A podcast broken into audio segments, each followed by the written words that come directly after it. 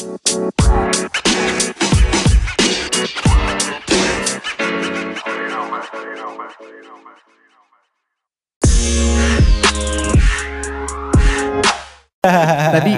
ada phrase yang menarik sebenarnya dari Mas Akbar.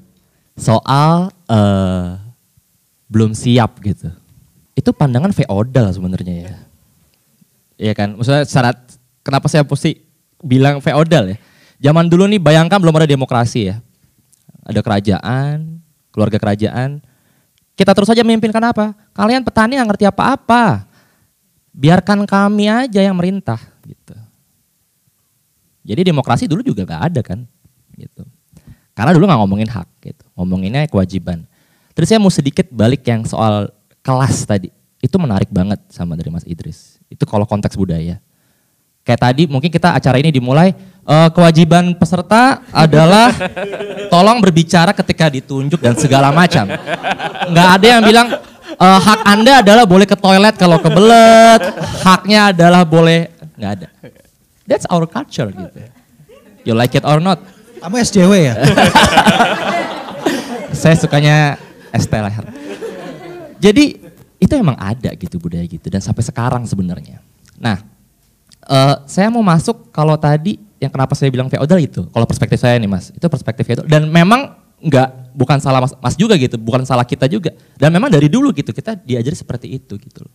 Dan tadi saya mau memvalidasi, saya setuju sama pendapat tadi soal masyarakat tuh belajar dari yang bukan bener-bener pasal per pasal, tapi dari kondisi. Dan itulah kenapa saya balik ke data tadi ini Bang. E. Soal peningkatan kasus pelaporan undang-undang ITE. Kenapa? Orang belajar. Pinter orang Indonesia. Belajar. Belajar ngelaporin orang masuk penjara gitu. Dan ada satu poin yang menarik. Dulu eh, saya pernah wawancara salah satu korban, salah satu korban pertama undang-undang ITE. Dia dulu beritanya besar sekali di Indonesia. Tinggal di Google aja. Dia korban dari undang-undang ITE karena satu poin krusial yang tadi kita belum perdebatkan.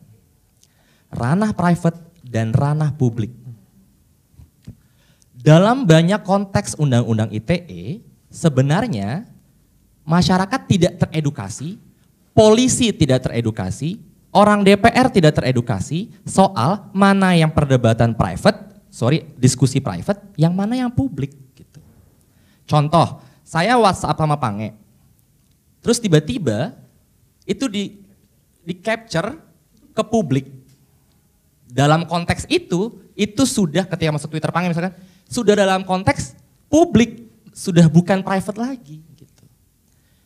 Itu kalau bener kayak gitu. Dulu ada kasus, bener-bener cuman apa? Message Facebook. Saya message Facebook sama Mas Akbar. Mas Akbar tersinggung tuh sama message saya.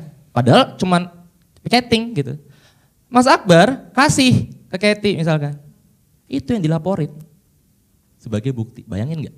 Nah, itulah juga makanya banyak sekali anjuran dari saya dari uh, segala macam mengatakan bahwa itu literasi yang penting untuk ITE, setidaknya untuk memagari kita nih gitu loh.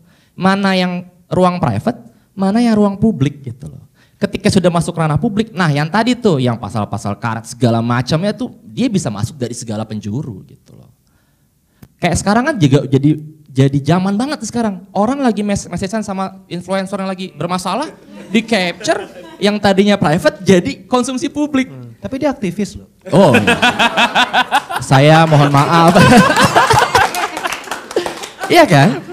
Yang sebenarnya mungkin bukan konsumsi publik gitu. Dan dalam konteks itu itu. Nah, tapi lagi-lagi saya mau masuk poin bahwa itu semua bisa terjadi karena negara masuk memberikan permainan itu untuk masyarakat gitu loh. Undang-undang itu itu bagus. Cabut tapi itu pasal-pasal yang aneh.